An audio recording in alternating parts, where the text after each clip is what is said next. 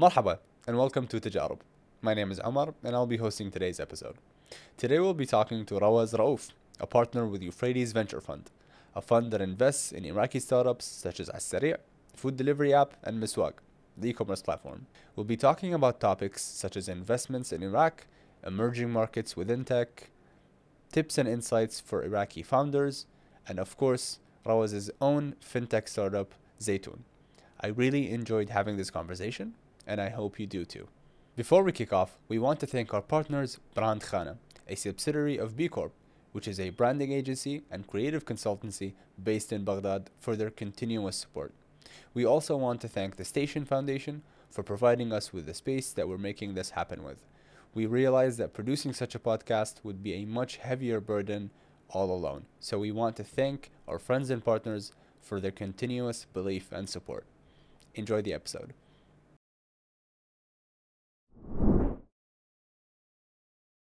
Hi, Rawaz. Welcome aboard. Hi, Omar. Uh, I've been told you're currently in Portugal. Is that correct?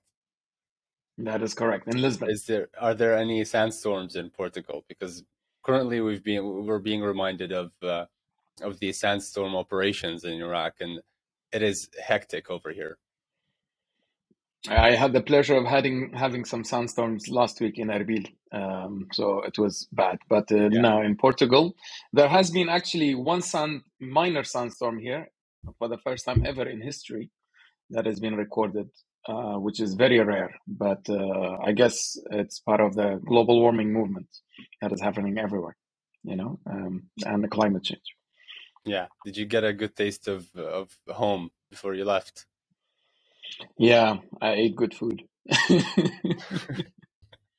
That's good. That's good. Um, I hope all is good.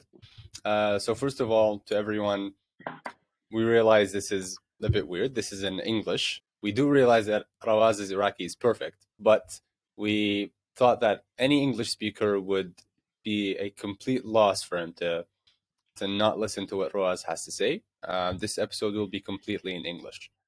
Um, again, we will be having Arabic subtitles. Rawaz, welcome to Tajarib. Uh, شكرا. أهلا عمر. شلونك? This uh, this will be probably the last thing in Arabic we'll say. شلونك Rawaz. والله Good, good. Um, let's kick off first of all with mm-hmm. a tweet. Rawaz, you have over 1,700 tweets, and I have a lot of time so I've been through a lot of them. The first says, the first says, um, brainstorming whether conservative online dating could potentially work in KRG in Iraq. And people voted, th- so this was a vote for everyone. People could vote, and people voted that it's already there. What do you have to say about this, and what were you thinking about writing this tweet? So, you know, I was in the Web Summit, and uh, Web Summit is basically this uh, conference where the biggest star startups of most of Europe come there. And I see, you know, companies and startups from all sorts of life. I, I think there was like 3,500 startups. They're basically trying to go to the summit. You know, it's in Lisbon every year. You know, I've set myself this target that I will bring two startups to uh, Web Summit this year in Iraq. One has already been accepted, luckily. I'm not going to be able to disclose their name yet because they will announce it themselves. But then I'm looking for a second one. And basically, while I was there talking to these uh, um, lots of startups there, you know, they, you know, a lot of people were asking me, like, well, you know, there are lots of local dating apps that are sprouting up elsewhere, you know, um, do you have any in Iraq? And I was like, I don't know. do we? so, you know, that tweet just came across that, you know, I, I saw like probably three founders that were like into online dating and they were like, you know, you need to look at like the local culture, the local dating scene, how people do it, you know, without getting into trouble. And you know what, what? No matter how you think about these things, you know, ultimately people need to get married, right? and they need to find a partner in life. And you know, technology can help in these things. So I, I thought it was just, you know, I haven't come across anyone that has been brave enough to take on that venture yet, unfortunately. But uh, it's still uh, to, to be seen. Lovely, lovely. Are we sure you can't really disclose the business model of the other one that you wanted to bring in? I mean, I haven't. No, so the one that is coming to Web Summit is not a dating app. I just want to be absolutely clear. You know, they're into something completely different, uh, something that has already worked in Iraq. Um, but you know, I, I think uh, there there is space for a dating app uh, for Iraq. Uh, you know, to have uh, Kurds meeting Arabs, Arabs meeting. You know, we have a lot of local barriers to people just finding each other. So I, I don't know. I mean, I, I don't think it's a very crazy idea. I think it's slightly out there for sure. You know, it's not for the faint-hearted to do such a venture. But uh, I, I think it was just a part of me saying, you know, like think outside the box sometimes. You know, you don't need to confine yourselves to the basics of you know, just look at the problems that you've got in your own life, and that could be a startup in itself. Exactly. I guess we'll just have to tune into your tweets. So my question is, how do you how do you do dating? You know, since How it do was I a do public dating? question. Uh, I do, I do traditional. Uh, uh, what is traditional nowadays? Because I'm too old for dating. Traditional nowadays is none. Okay. Exactly. So, yeah, I guess we'll have to tune into your tweets to find out what the other business model is and when will we have a Iraqi Tinder. Why not? Uh, so, Rawaz, people currently know you as the partner of a partner in uh, Euphrates Venture. Uh, before that, so who was Rawaz? How did you end up there?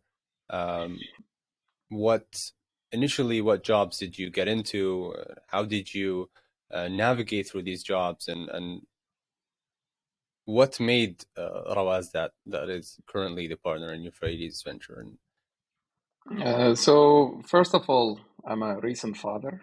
I'm a husband. I'm an engineer and an investor and an entrepreneur. Uh, I'm Kurdish from Slemani.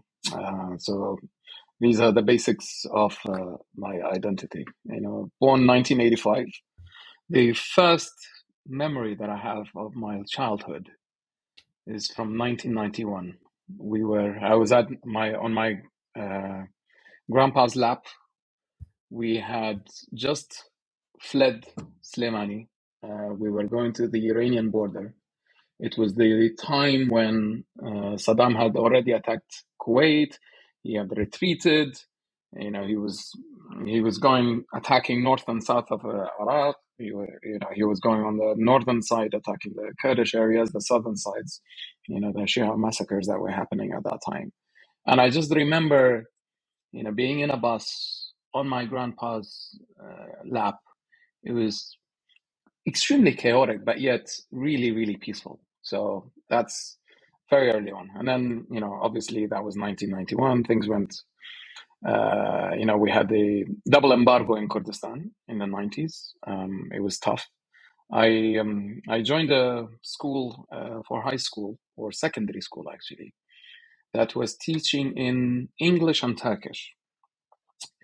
And at the time, you know, everything in Iraq that is new is controversial, mashallah, right? So it was yeah. considered like a really taboo, you know, like why would you go and join a Turkish school? You'll become Turkish. You'll lose who you are. You know, like everything that is new in our in our society is just a bit out there, right? Like it's a struggle. Uh, I was l- lucky and fortunate enough that my parents didn't care. and you know I, um, I so I did six years of you know learning Turkish, English. So did my most of my sciences in in that school. But at that time, I really had a goal, you know, and it's every child's dream. I think you know that every smart kid has this dream. You know, you can ashra'il, you know, that you have to be the top student, and and that's what I aspired to do. You know, I I never aspired to becoming a doctor or engineer because i always thought that that comes it, it's a different discussion you know but to be on the top in our society was to try to do that and when I was in the Turkish school, I realized that because it was being given in Turkish, the graders on the other side, من طرف الحكومة, يعني on the government side, were unable to rate our quality of, of our English uh, because the English that we were writing in was fairly natural, while they wanted a script. You know, they weren't their English wasn't so good in physics Yeah. and biology and things like that. So, and they were government appointed uh, teachers, so you, know, you couldn't blame them for not being able to grade you. For so, I planned that around that, and I said, "Ani the Saf Sadis, I will not be in this Turkish school, which is gonna give the exams in English." I chose to go to a public school uh, in Slemania called Halkot. You know, it's just a good public school that I went to. Uh, it was great. Uh, and um, um, and I I got my goal. I, I was يعني حصلت على ثالث ثاني درجة بالأوائل بكردستان. And I still remember that day. You know, the, there was a guy that came, was a young, young guy. He was interviewing all the graduates, and he was like, "So, what profession? What, what specialization of medicine do you want to do?" you know, Yeah, of course. he was so certain I was going to become a doctor. Like it was not even a question of uh, you know like the, the specialization was the question. And i and i and i said look you know i wish i cared about you know uh, you know human health as much uh, to be able to do this. But uh, frankly I, I like business more. I like engineering more. I i, I identify more myself with maths and uh, physics. And i don't really love biology so i'm not going to do that um, believe it or not, he didn't write it in the article. he said, and we will see what this guy wants to become. hey, he didn't even write that I'm not going to be. I, I told him flat out, I said, I'm not going to become a doctor, you know? And I think, you know, a lot of people, you know, make that mistake very early on in their careers, you know, suffasades, etc. To basically, they don't follow their hearts. You know, they, they follow what's, what's prescribed to them by society. And I think it's important to fight that back a little bit and say, okay, you know, do I want to do this? You know, and uh, think for yourself. And then after that, you know, um, I um, I continued my studies in um, in the UK. I went to a uh, university called University College London, and I I I just wanted to do engineering. You know, um, I tried looking at different universities. You know, I looked at Beirut, um, etc um, I didn't uh, I didn't really identify with those. I, I thought, you know, if I'm gonna do it, it needs to be um, something somewhere good. And at that time, I remember I was just talking to a friend's father who had just been to the UK. Um, he had done a round of the universities, and I'm talking about 2004. Yani if, uh, put that in context, I mean, 2004, everyone had just learned that there are new airports that you can travel. There are just you, you can apply for visas. You know, I mean, I'm talking like really early days. I I was lucky that he had already been there, you know, and he said, look, they have a system that you can get in. Uh, even if you don't have the qualifications now, you can go and make yourself into that system. And this is the way you could do it. And I do think you could do it. And it was uh, that word of his uh, encouragement that really um, made me believe in myself, you know, that, okay, you know, if he thinks that I, I can go to a top university, then I could probably do it. You know, I, uh, I mean, and that's usually the advice that I give to my cousins, etc. Like, you know, don't settle, you know, just if you believe that you can go somewhere good, work for it. And, um, so I did the electronic engineering there. Um, I did a year called a foundation degree. And that's for those that don't know. It's foundation degree is basically مثل تعادل شهادة للصف السادس. So you do a foundation degree in the UK, and then after that you can go and do engineering, medicine, biology, etc. Usually it's for engineering degrees, uh, but it can also lead to like biology, and then it can lead to the medical sector if people are interested. So I did that. Um, uh, the first the first month the um, in the foundation degree you know they did like a placement test and they asked me if i wanted to apply for cambridge. And uh, i said sure you know i mean i could i'd love to. So i did that uh, uh, fortunately i failed in that but i still did man- um, manage to uh, go to ucl and then after that i came back to Slemania and um, I, I did you know talking about work you know the first job that i had there. I mean, actually, my first job was an internship with Asia AsiaCell in 2002. I remember we were in a town in Rania. It's a small town. we were just introducing cell phones. At that time, my my dad, I was privileged at that time that my dad was in, um, he was the CTO of Asia Cell. And I told him, I just want to do something for my summer. I don't want to stay at home. And he was like, well, you know, we're launching a new city. You can just go there. I have a family friend. You can stay at his place. I was like, okay, fine. I'm done. You know, I'll, I'll do it. You know, so I went there and we launched um, the first mobile network in Rania, and I was part of that. And believe me, I mean, it's just amazing. I mean, people probably don't remember the day before mobile, right? I mean, it's hard to imagine it now. But on the first day, a guy came in and he said, "Yeah, but this line doesn't have dial tone," you know. And I'm like, "Yeah, of course it doesn't. It's a mobile." Another guy mm. came in and he had he had bought a scratch card and he thought that I don't know, like this is 2002. So he thought it was like NFC, like you could just put a ta- scratch cards onto a phone and it just recharges. You know, they thought that that's how recharge works. You know, I mean, another one was, uh, uh, you know, these IVR calls that you can do for like press one for number one. So, so yeah. a guy came in and he was like, do, like uh, how old do you think I am? No, you know, like IVRs, you know, when you call a call center and they usually say, you know, for pre- press one for English, press two for Arabic, press three. So it go, goes through, it's a voice automated, uh, whatever, IVR, they call it. Yeah, right? it's, it's And the IVR was in English. The IVR was in English, Arabic, Kurdish. And this poor guy thought that that was a woman that was talking to her. And he was like, oh, ma'am, yes, yes, yes. No, I, I, I want number two. And, you know, I mean, this is the year 2001 we're talking, right? We're not talking any. So for me, it was a, a beautiful experience. Uh, I mean, just to be able to see what technology does to people's lives. I mean, nowadays we can laugh about these things, but at that time, that was our reality. I mean, there was nothing else that we could have.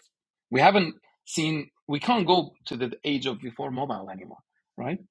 Um, so yeah, and then when I was in the UK, um, I was doing some you know, I was allowed only to work like very limited hours. So I wasn't, you know, the, my visa wasn't allowing me to work more than that. So I would work at um, the university, just teaching people like, you know, computer skills, you know, SPSS, Excel, uh, MATLAB, etc. as an assistant. And I was also on the weekends, I was working in this shop called Maplin Electronics. So they were selling like electronics, etc um, all sorts of like connectors, you know, whatever, you know, all the things that you have in your studio, you know. um, and then when I came to Suleimania, you know, my um, my dad had already started a company called Fanus Telecom at that time. They had a license from the CMC for a uh, for a wireless broadband network, uh, and I ju- I started uh, with that uh, company, you know, doing all sorts of things, you know. Um, uh, I, I, I, initially I just said I want to start somewhere where I like it, you know. So we looked at like the feasibility, how to expand it, what does it cost, what does it take, you know. So basically, like we started as like a startup in effect, you know. Mm-hmm. And um, and and that's and that's where I started my um, career, you know. Um, so I did uh, for a while. I did the sales there, marketing. Um, I I was on the technical but not technical technical you know like uh, technical strategy um, was mostly my uh, my work uh, which is the the suitability of the product for or the technology for the market um, and um, yeah so i spent quite a few years there um, and then you know by 2014 um, i started helping the family more with diversifying um, from telecoms. You know, we we saw that the trend in telecoms was good, but also that we had reached a stage where it was most likely that you will have three or four big players in the market, okay. um, and there were quite a few hurdles for like smaller companies to grow, especially on the fiber optic uh, side. Um, so you know, we started diversifying into um, other businesses in, like insurance, like uh, cement, like brick, um, like uh, development projects. And um, and I also started doing, um, you know, I, I started going back to my original roots. You know, uh, like I, I started playing a lot with technology, seeing what works elsewhere. Can it work in Iraq? Uh, does it make sense uh, for Iraq? Because you know, we have to also understand that there was a time when the big players were, I mean, looking at so many things that it was impossible for a local um, startup to think, what can they do in tech, right? Uh, we, we thought that like Google will just do everything and Apple will just do everything and Amazon will do everything and Facebook will do everything. Mm. And, you know, that there was like literally everyone at some point, I remember, I mean, you know, in the 2008, 9, 10, everyone thought, okay, so when is Amazon going to come to Iraq? You know, that was the question. And they're still not there, right? I mean, so which tells you that there are some things that are harder said than done, right? So, uh, and and that's where I got interested in technology. You know, I was um, uh, in a couple of meetings where people were like asking me, um, uh, you know, that the the telecom industry wanted to move away from the plastic cards to digital cards. Um, so because you know there was a lot of security risk, you know there was a lot of uh, cash risk, uh, there was a lot of uh, etc. And they wanted to basically have like a, a platform for uh, distribution of these uh, what's called digital vouchers and you might have seen them in the market you know mm-hmm. so i started a platform basically that would be like an enabler for um, for these distributors, uh, and uh, you know, and we we the company now has like around seven thousand five hundred points of sale in the market. It's it's not um, it, it's a really small business, but it's something that really opened up my eyes. You know, in terms of how big the tech scene can be without and and how it really requires a lot of collective work um, that no one company can do a lot. You need to have a lot of integrations. You need to have a lot of dependencies uh, for this ecosystem to grow. And um, and I think that led me into thinking, okay, what can I invest in? Um, because you know, clearly, I'm not gonna, you know, I'm gonna be able to do everything myself, and I have limited time in the world, right? So. Um, and that's where I had the, you know, I was with the Ammar one day, you know, we were in 5-1 Labs, funny enough, and uh, in. And he had just Which come Ammar to give this? a speech about um, Ammar of Miswag. Mm. Uh, Ammar Amin. And, you know, he was just sitting there, like, talking about startups, etc. And I really, really liked him. Like, he's probably one of the most nicest, humblest guys that I know ever, you know. And and I just asked him, like, so I said, Marwan, I mean, you, you're doing e-commerce, so like, how do you grow this company? Like, what's the can I can I understand like the mechanics of the business model? He was like, well, you know, we we do a few deliveries and then we make a bit of money and we reinvest that back into the business. Um, and I just thought to myself, I'm like, how many years would that take you to dominate the Iraqi market? Like, I mean, it, not just for him, any startup, right? Like, mm. just think about that. Like, if if if Amazon did it like that, you would probably not have Amazon in most of the US today. Uh, to be very honest, like, and and I said, so, but why don't you approach investors? And he was like, and this is where I think you know, a lot of local investors fail to appreciate. Um, is he said we talked to an investor and their immediate thinking is all right so this is an easy idea i'm going to do it myself so why don't you come and work you know like that, that's a, a typical very local Iraqi investor attitude uh, mm. towards investment. You know that they think that you know doing these things are easy. One, two, um, that uh, that the reward that the founder should get is a salary. Uh, two, and uh, three is that uh, you know that they would rather do it themselves and that they would rather own the whole thing. Mm-hmm. And and I think that's uh, what creates a lot of gaps in the market. You know, so anyway, I was you know, I, I left Ammar there, and you know, Mo Khadari was talking to him for fundraising, etc. And one day, you know, I, I, got a cold call. You know, I was like, "Well, so we have a little gap in the investment round in Miswag. you know, do you want to chip in? I was like, sure, you know, what, what's the amount? And they told me a figure, etc. I was like, sure, of course I can chip in. And uh, it, it turned out that Jeffrey and Grant had just decided to remove their allocation to a bit smaller at that, you know, because they were too scared for some reason uh, of at that time. I'm talking 2019. For more context, Grant and the other are so they're also um, they're managing partners at Euphrates. Mm-hmm. We'll come to Euphrates in a little bit, but um, for for me, you know, I I didn't ask too many questions to be honest. I I never looked at like the valuation of the company, uh, the, the, the, the, the you know the ask, and you know like what will the money be used for.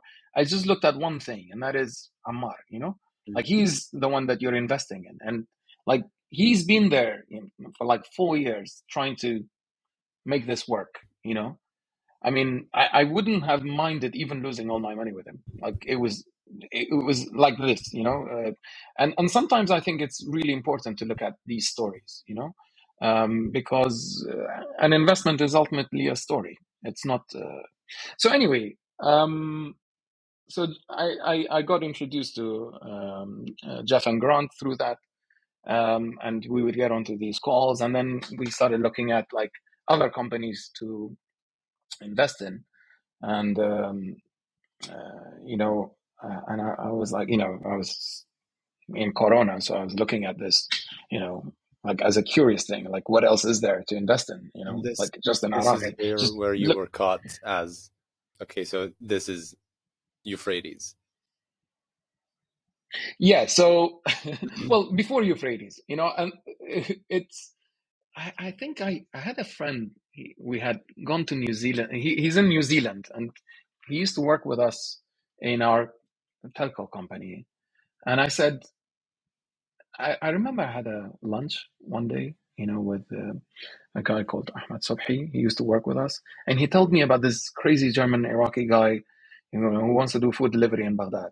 And it was very early days. I think they were just trying to hire motorbikes. And I called my and and I called my friend in, New Zealand, you know, and I was like, "Can you remind me who was the one that mentioned on that lunch that they're doing like a crazy Baghdad food delivery thing?" And he was like, "Yeah, yeah it was Ahmed Subhi." I was like, "Yeah, I, I thought it was Ahmed Subhi, but where is he now?" He's like, "Well, he's in Al Saria," and you know. Uh, so I reached out to Ahmed Subhi and I was like, look, you know, can, can I talk to the founder of Al Saria? You know, we, and I, I, I kid you not, I mean, Bassam is you, have spoken to him. He's, he's a really impressive guy, and it took us really like ten days to get a financing package. Yeah, Bassam, Bassam is the founder and CEO, current founder and CEO of Al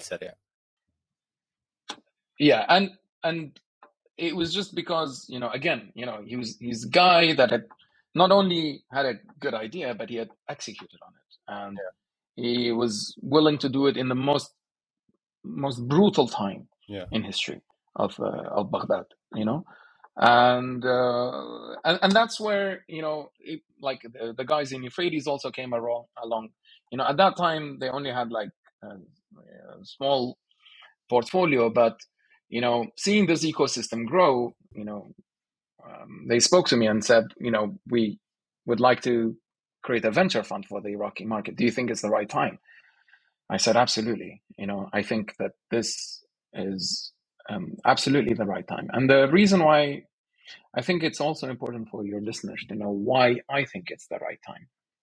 Because it, you know, when you're in uh, Baghdad and you see problems, um, and when you're in Sulaimania and you see like salary delays, and when you're in Erbil and you see, you know, whatever, it's it's easy to think in terms of the challenges and the problems, right? But we have to also look at the opportunities, and I think in the technology sector, we have very good internet. I mean, uh, on a mobile, relatively to um, compared to ten years ago or five years ago, right? It's it's good. It's working. It functions. Yeah, the, the, the adoption rate is pretty high. Everyone, mashallah, has a good smartphone. Um, you know, um, and uh, it's like a thing that everyone should aim for, right? Nowadays, you know, and and that helps in tech adoption uh, because it makes the barrier of entry. I mean, th- those are the two um, sort of like infrastructural level um, things that you would need, like um, good cost of data and um, uh, good smartphone penetration. And you know, me coming from like the telco background, you know, I always think like, will the telco industry remain competitive? Uh, will it remain um, expanding? Will the cost of data go down across the market? And I think uh, in Iraq we are sort of lucky to have one of the few effective regulators um, in the telco sector, which is the uh, Communication and Media Commission. And um, they've been very good at making sure that the telco sector remains on its foot, keeps innovating while at the same time uh, competing. You know, which is which is hard. I think the telco sector today in Iraq represents the only part of the uh, economy that is not dependent on the government for its growth. So كل شركات المقاولات اللي تشوفها ببغداد يعني all the companies that you see that are working in construction um, most banks you know uh, etc uh, are somehow dependent on the state for their growth uh, how can you elaborate more on this so يعني dependency on the state can mean a lot of things um, but effectively it means um, if if the state doesn't give you this contract can you do this يعني خلينا نقول let, let, let's think outside the box يعني let's say it's a highway uh, construction project okay you can have a highway in two, in two ways right you can you can build your own private highway and charge people a toll road that's a private business right and it's possible and lots of countries have done that and it's been effective in many places in iraq that's unimaginable I mean, you know, the private sector to do a high road between karbala and najaf it's still too early for us to accept that. Um, uh, private schools, private universities, etc. I mean, most people are ready to build a school for the state or a hospital for a state as a project. Most people are probably even willing to build a power plant for a, for the uh, for the government. I mean, we see the big uh, oil and gas companies, the big energy companies. But what they're not willing to do is they're not willing to take the risk that if the government doesn't buy from them, can the consumer uh, buy electricity directly from this uh, power plant? You know, that's that's the level that we're talking about. Uh, so, government dependency by the private sector is um, is a, is a is a major issue, but it's um, the result of a, a a weakness of the private sector in general.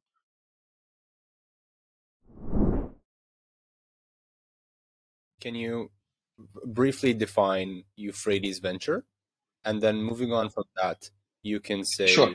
exactly how do you, Rawaz, think that you that Euphrates Venture uh, can assist and help these startups keep competitors at bay, and how does that assistance look like? Sure. Sure. So, um, first of all, Euphrates Ventures is a venture fund or venture capital fund um, that invests in uh, growing technology startups in Iraq. We we have raised um, $20 million to invest into the technology ecosystem in Iraq in terms of equity for um, uh, growing technology Kurdistani and Iraqi startups to grow. Um, we are uh, um, uh, I mean, typically people ask like, you know, what is your ticket size? We're looking at anywhere from 100k to two million dollars. We're we're fairly flexible there. Um, we do also, I mean, just to add to your point, you know, we we we do also look at uh, startups that are willing to expand into Iraq. Um, that we think that it's it's a hugely underserved market. So um, uh, if we don't see a, a, a local company that uh, captures a specific market for too long, we'll probably not be shying away from uh, you know investing in a foreign company that does something similar uh, to expand into the market because we, we do think that that you know it's it's probably one of the last frontier markets in the world um, where you have a huge consumer market um, I mean, oil price or oil, oil production is quite good. We're producing half of uh, Saudi's uh, oil production. Yes, we've had like 40 years of war, but it doesn't mean that there isn't a big consumer economy. We Backtrack to um, two things. And, so, can you define ticket size and frontier markets? Mm-hmm. Yeah, so a ticket size is basically the amount that we'd be willing to invest uh, on a on any single round. So, you know, a company might need, you know, ten million dollars, and you know they'll say, you know, we need a round of ten million, and we'll say, okay, but you know, our ticket size is 100k to 2 million. That means that you got to come up with the other 7 million or 8 million yourself, some through other investors. You know, so that would be the that, that is the wording of what a ticket size means. Um, uh, or someone might come in and say, look, that they need only 10k. You know, and we'll say, well, it's nice, but it's too small. It's we'll probably be more comfortable with um, a slightly higher ticket size for and, and and that needs to be obviously justified through valuation etc but that's what that hmm ticket size means. And uh, frontier markets is basically you know it's the the market markets that have been untapped. Um, you know they're like on the bleeding edge of you know they're the markets that nobody's looked at globally you know or ignored for a long time you know that they're at the tail end of investments and um, Iraq usually falls under that category because you know um, it's only now that you know uh, that uh, sanctions have been removed from like uh, from 1991 regarding the Kuwait uh, repatriations, for example. You know, most investors when you tell them about Iraq, you know, they get uh, you know cold uh, a cold blood runs through their veins, and they're like why why are you talking to me like you know it's a so it is a very risky market in, in that sense um and that's why it's called a fund Now that we've touched on Euphrates and we've, we've touched on exactly your role as a partner in Euphrates, can you, and you've spoken about uh, Bassam and Ammar, which is perfect. Uh, they're both founders, and, and both of the companies that they founded are well up on, on their feet and they're scaling. So, can you talk to us more, firstly, about um, diversity? So, can you talk more about uh, table diversity for Euphrates? And then moving on from that, telling us more about why do you think Bassam and Ammar are successful founders? So, what are the um, specific characteristics? Uh, what did you, as Rawaz, see uh, that made you think, yes, this guy is probably going to succeed? Um very good so i think um the, the question of I, i'd start with a question of diversity first um so that um, um and perhaps it's good to make the discussion a bit broader, not just about Euphrates diversity, but like just general investment diversity for one's life. And uh, so I think, yani, uh, you know, once you have a bit of accumulated wealth, you know, so it could be like fifty thousand dollars, twenty thousand dollars. Yeah, Okay. uh. Maybe you can touch on more on uh, Rauf as well, because uh, you didn't really go through that. So diversity even through Hiwar Rauf, and and maybe explain what that company is. So uh, is our uh, umbrella company for our investments in Iraq as a family. Uh, as I said, you know, we have businesses in different sectors, in the construction sector, in the insurance sector, and in the development sector. Uh, and um, I am mostly, uh, you know, a strategy advisor, and I help decide on on two things really, like is this an interesting sector, and how can we grow it? You know, so there are lots of um, uh, you know interesting sectors in Iraq. Um, they the, the way to grow them, I think, can be a bit um, more in line with the way um, globally these businesses are done and uh, regionally these businesses are done, not necessarily how they are currently done in Iraq. And, and and that's a challenge, but it's it's what keeps um, what keeps me entertained, to be honest. Um, so uh, you had two questions, I think. So can you repeat your Yeah. So first the, f- the first one was portfolio diversity. Why is it important for Euphrates or any investment firm Okay. to go a bit diverse when it comes to investments? And then after that, uh, we Mm. said you talked about uh, Ammar and Bassam. They're both successful founders. What did you sure. find about them that made you think, yes, th- this guy will probably succeed? So, as an investor, I mean, you have a choice, and in Iraq, I, think you know you have to think like a local investor. Let's say for a second, you know, um, if you have twenty thousand dollars, what do you do? I mean, right? Um, and actually, it's a real problem. Um, I mean, no matter how you think about it, you know, do you keep it in the safe? Do you take it to the bank? Do you give it to a friend? Um, uh, and I, I, I think we are the the and, and that problem in itself can lead to other uh, issues, right? So, let's say you have a hundred thousand dollars. You know, the first thing that you should do is decide what is the amount that you're willing to risk the the most typical investment that people do are again into another piece of real estate mm-hmm. right so it's considered fairly safe it's considered timeless etc uh, but if you really think about it critically i think and I, and I think that's uh, also uh, you see it in Baghdad, etc.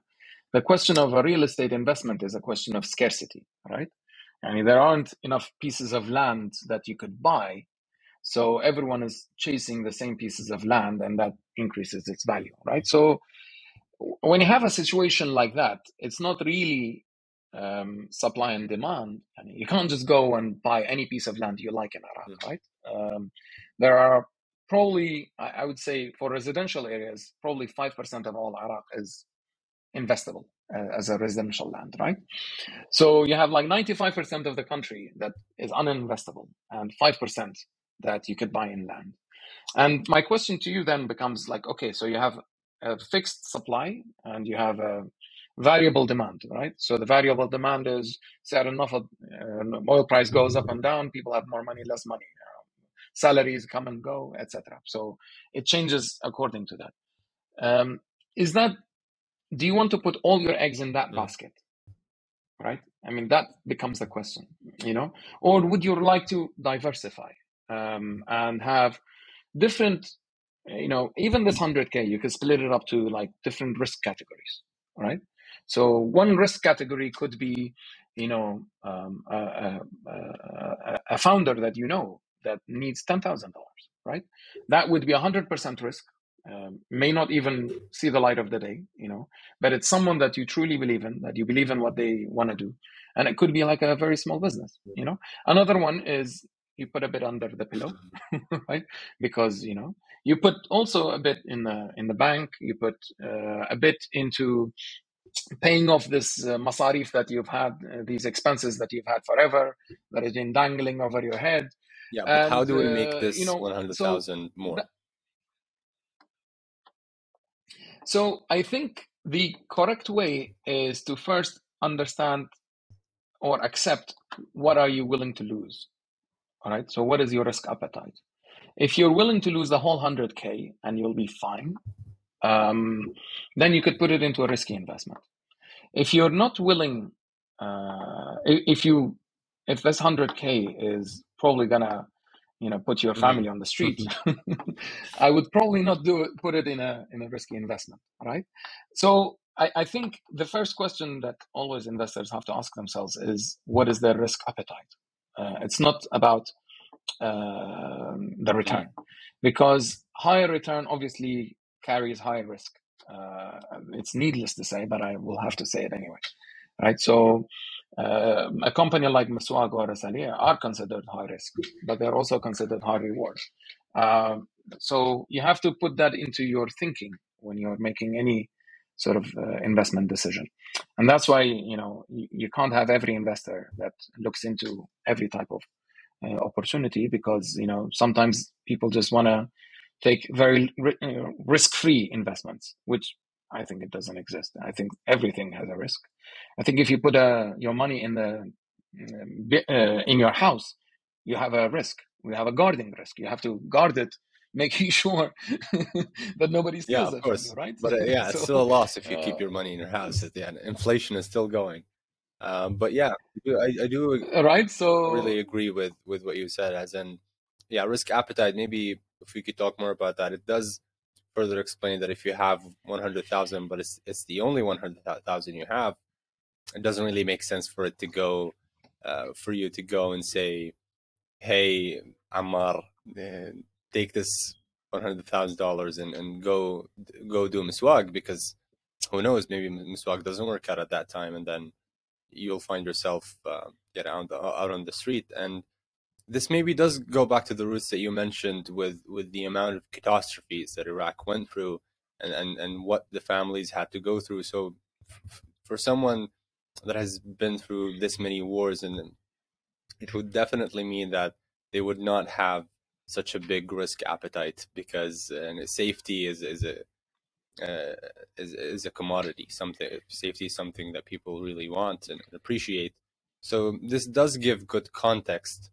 Uh, but for now, we're saying maybe things are changing and the new generations are, are, are in hold of, of the are inheriting capital. So so when you have in hand this 100,000, maybe then you could you know have more freedom uh, to go and and and uh, maybe collect more and more capital using that 100,000.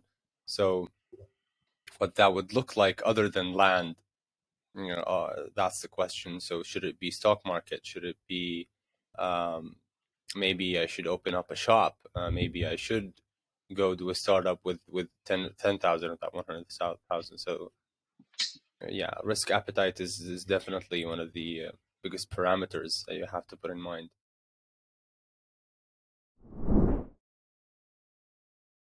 and finally we we find someone Bassam uh, combines there's a great sort of hybrid system that he portrays between old style and you know tough business and then tech and and this new lean way of doing business. And then he sort of combines them in a way that makes it interesting because you see Alsaree3 grow so slowly but still it has its foot in the market and it's it's not something you it's, it's not a player that you want to sort of fiddle with.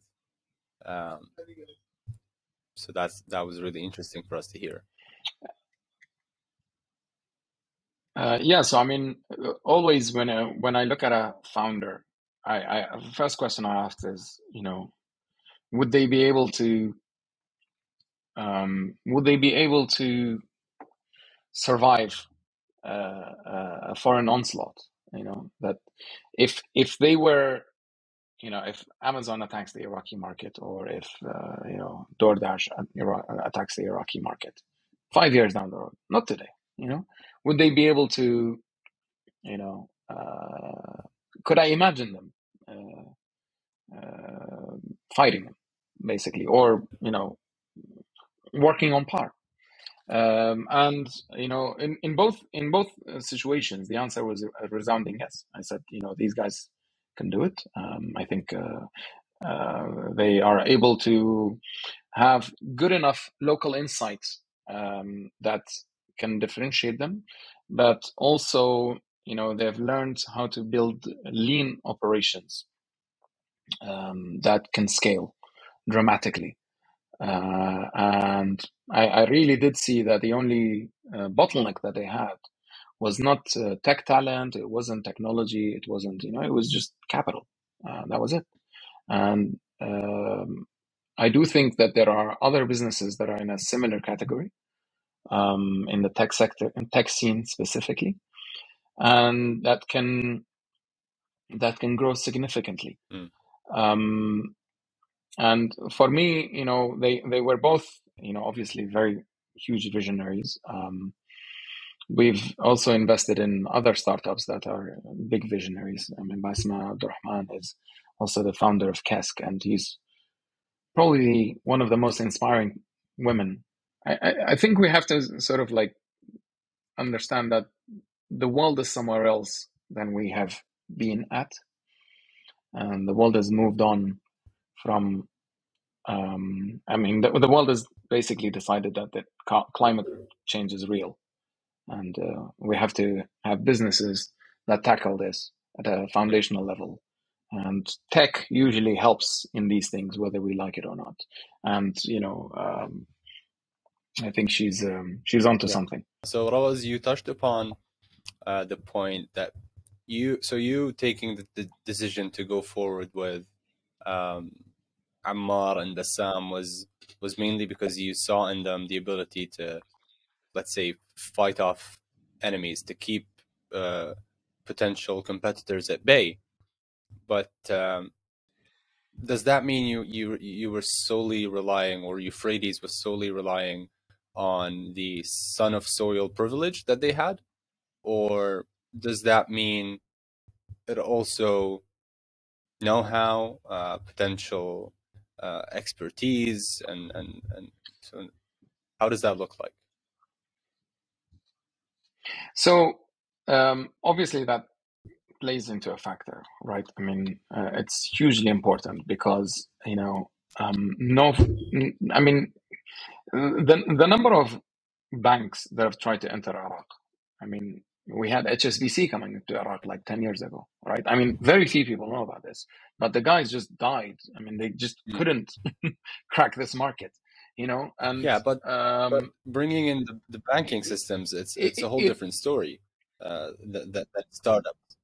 Agreed, agreed. But, but then it just tells you, no, but it just tells you that, you know, just a big name or huge capital cannot do a lot in every sector um, and it's not a guarantee that it would do the same even in the tech scene, right? So, um, because there are so many little problems that typically complicate um, a, a, startup uh, business, you know, or any any business. And sometimes when you try to replicate what is being done out there uh, into the Iraqi market, it doesn't exactly fit um, and that makes it into an opportunity uh, in a way for local startups uh, because they i mean very few countries have as much cash delivery as iraq for example uh, very few countries have um, as little of a banking penetration as iraq. Um, uh, very and uh, frankly you know foreign companies always get shocked by like how um, difficult it is for them to retain talent also uh, local talent right? So because we just work in a, uh, in a our, our, our values are a bit different um, you know um, just because you know you're this big name etc you come in into the market it doesn't necessarily mean that the local talent pool will join you uh, because they need to see something beyond and, and that's the strength of the story uh, ultimately, right? I think the story of Ammar and Bassam are uh, exceptional stories. Um, there has been um, uh, the, the, the end result we're yet to see, right? We don't know where these companies will go uh, in the future, but I do think that the same thing that attracts an employee to a company is what attracts an investor to it it's the same that attracts an, uh, a customer to it. That and is... if you can make your customers, if your if you can make your customers love you, not like you, uh, you know, um, you'll probably have a really good chance of succeeding.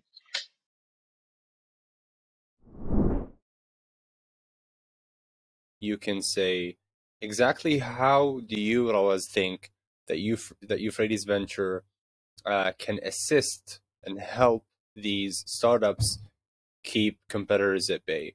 And how does that assistance look like? Sure. Look, I mean, the bottom line is that the, the next 10 years uh, in Iraq is going to see a transformation through tech. Um, there are very few areas where I see that it can be as transformative um, uh, as the tech scene uh, in Iraq. And we'll we'll have a lot more private sector engagement. We'll have a lot more, uh, you know, private businesses growing. You know, we'll see all sorts of the things that you just mentioned. You know, which is the post-conflict boom uh, or the post-conflict growth. Um, let's call it, uh, and. Uh, it, it, and it follows a familiar path with other countries that have been through a similar journey, you know? Um, and people will start you know accepting the private sector more. I think you're already seeing employers or employees um, have a preference for working in a private sector already, while 10 years ago this was strange, right? I mean, I have had people working for me like five years ago or 10 years ago, well, t- 10 years ago, and they would be a, a, a good electrical engineer paid two and a half million dinars, and they would say, okay, well, I'll go to the government and work for them for 1.8 million because, you know, they have a pension. Um, I think now I that sit on sit on a gone, chair for right? the whole day. Like, I, I think that story is gone. I think for the young people today, that story is no longer appealing uh, as a career path. Um, I mean, just going off on tangent. I mean, just to think in terms of like, I think it's nice to look at long history. You know, um, I, I've always had like friends that are a bit either really older or a lot younger than I am. You know, at, throughout my age. You know, and uh, there's this particular gentleman who who got a scholarship in 1973 uh, in Iraq. Uh, and he was sent off to America to study, and you know he did his uh, similar path to I, to I, you know, uh, did electronic engineering, you know, I think it was uh, Virginia Tech, etc., like excellent university. And he said, you know, like when I finished my studies, you know, I called my dad and I said, okay, you know, so I've now finished my studies. He said, okay, son, you know, I have the perfect plan for you. Um, I have a job for you at Ministry of X, and I have found you an excellent wife who is from a really good family. Uh, and I'm not going to disclose his name because you know he, he's not given me permission to mention this story. But There, there goes there goes the dating app idea gone. so here's what he, he he said. Well, I told my dad, and this is 1973, so you know it's, it's a while back, but it's a familiar story for most Iraqis in general. He said, "Well, Dad, but I I, I want to marry an American girl, and I don't want to work for the government. I want to do my own thing." And he said, "Believe it or not, my dad didn't talk to me for like ten years." you know, so we've come far. I mean, if you think that today, you know that that stigma uh, around the private sector employment is kind of removed. Um, because for for a long part of our history, working for the private sector was frowned upon, right? Uh, I think that is in a way uh, severely diminished. Actually, you know, uh, private enterprise is now uh, more looked at positively from a from a society perspective. Uh, and I think, you know, frankly, the, the government services have just, you know, proven themselves to be ineffective, Mhm. uh, to say the least. So um, this is where the private sector can step in, and I, I do think of it as a part of the wider move uh, towards the private sector. Um, so because it's not just tech in itself, tech is one layer of enabling this transformation. Um, so uh, but there are other uh, parts of this um, ecosystem that need to be aligned for this transformation to complete.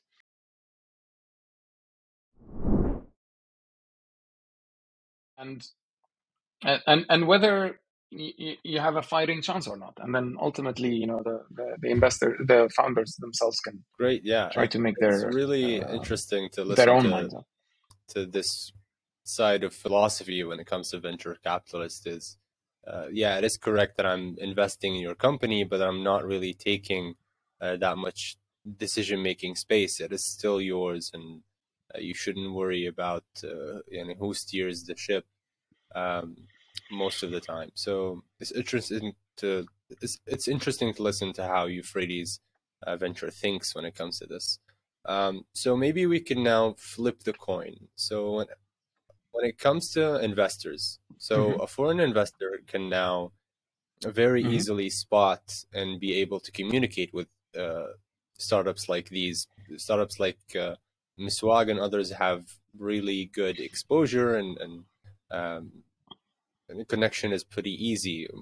What exactly is the pitch for a foreign investor to go through Euphrates Ventures?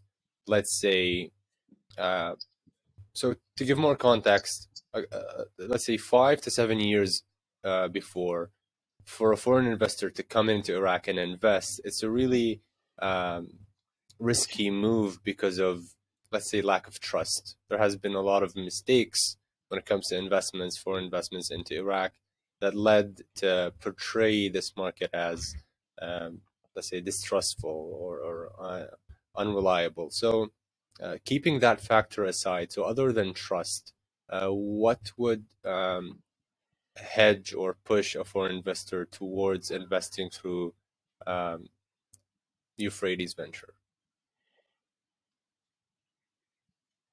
So I, I think before we look at the Euphrates venture in itself, I think we should just look at like what would a foreign investor look at in investing in Iraq. Period. Like, what are so they see this market, they see it's interesting, but then mm-hmm. what do they do, right? And the the the first layer usually is um, the the first first layer, which usually doesn't come under the radar, is bonds of the Iraqi government, right? So these are bonds that the government of Iraq issues. These are state-backed uh, bonds, you know, and they just have a bit of exposure there, and uh, they start looking at that. So they they go down like in terms of risk hmm. appetite because Iraq also has several layers of investments, right? So bonds are usually considered like fairly safe you know, uh, Iraq has bonds, uh, it trades on the global market, etc. And then the next layer, you know, you peel down and you say, okay, fine, okay, bonds are okay, but you know the returns are too low, and the risk is I, would like to take more risk. So the next layer is obviously equity investment. Um, equity investment usually can be classified into two. You know, so there is like liquid investments and then illiquid investments, and liquid investment is something that you could basically try to sell tomorrow and it will become cash. Mm. Uh, that's what liquid investment is. Can you uh, very simple. Liquidity, so. It could be so so uh, uh, so usually these are uh, stocks and companies that are listed on a on a, a stock market. Um, so Iraq has a Iraq stock market. Uh, and that's how actually Euphrates Iraq Fund started. You know, Jeffrey and Grant, um, they started this like 10 years ago. They started investing into listed companies in the Iraqi stock exchange. So uh, today, I think the Iraqi stock exchange has like around 94, 95 companies. Um, a few of them are blue chip, uh, i.e., you know, good companies that are very Examples well run. Of those are, but there are good companies in the stock market. I mean, I don't want to be I'll giving be any notes. investment advice, uh, so I better be careful with my words. but I, I, I, think like you know you have the likes of Zain and Asiacell that are on the stock market that are known by people. You know, there is um, some banks that are um, interesting, which are primarily fifty one percent owned by a, another regional player. So you have, for example, QNB that owns a bank in Iraq. You have the uh, Burgan Bank owns another bank in Iraq. Um, you have the Capital Bank of Jordan has a bank in Iraq. Um, so the, the, their entities in Iraq have different names, but basically, you know, there there are foreign players that have had good experience yeah. in the banking system itself um, that are, you know, and over time, you know, as the dust settles and as the forex market becomes less interesting, you know, people will start looking at these banks, I think, more favorably. So they look at like the stock market and you know the capital markets, and they say, okay, you know, and then the the next layer is really you know like considered like the slightly more riskier ones, which is the venture world, right? So that's when you start looking at like growing tech startups. So the idea is that basically these companies could ultimately exit into the public market. So, uh, could you imagine Alsaree3 going to, onto the Iraqi stock exchange? Could you imagine Alsaree3 going into the Iraqi stock exchange and other shareholders being shareholders in it? You know, that's that is usually called an exit of a startup. Um, so, an exit basically means that the sh- shareholders have a way to sell to other shareholders uh, without, uh, you know, without any restrictions. And that typically happens um, on a public market, uh, such as the Iraqi Stock Exchange, or it could be in Dubai, or it could be in London or New York, or it could be wherever. It just depends on uh, the growth and the size of the company and whether it can justify being listed in those different places. Um, and, and and for you know, for example, we have had in the region, we have had a company like Al Anghami, which you might have heard of. You know, they have listed not in Lebanon. They've listed, I think, uh, outside. It's either in London or in New York.